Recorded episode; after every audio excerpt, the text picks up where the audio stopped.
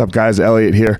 Um, before we get started, I have started a Patreon account. Patreon is a place where you can go to help support the podcast. Uh, I would greatly appreciate it if you are finding useful. I have one tier right now um, for the first 50 people.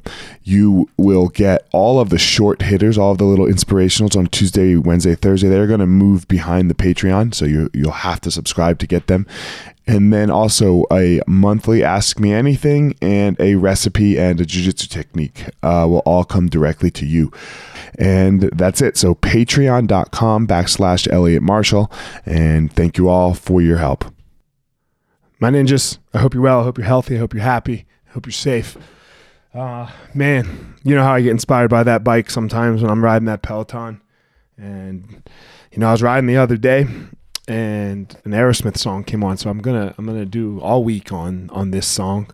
Uh, Dream on, you know, Dream on is the song, and the beginning of the song talks about we all got dues to pay, right? Like there, there's no uh, there's no easy ticket in.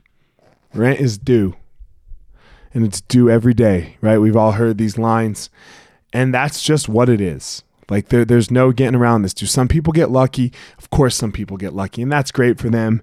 Um, I'm, I'm really happy for people that get lucky and make it big really fast, and and that all works out. And man, that's so cool, like amazing. Um, but in most cases, we know it. We know what it is, right? People paid their dues. You know, you pay your dues, and and you and you pay those dues because you love to do it, not because you actually want something from it. Because if you actually want something from it, back from it, then you're going to start to run into some problems. You're going to start to think you deserve it. Um, the dues that you're paying, the hard work, all of that, man, it better just be because it is what you love to fucking do. Um, that's it. There's no other way. It, it, it's where it lies and it's where you're going to find your power.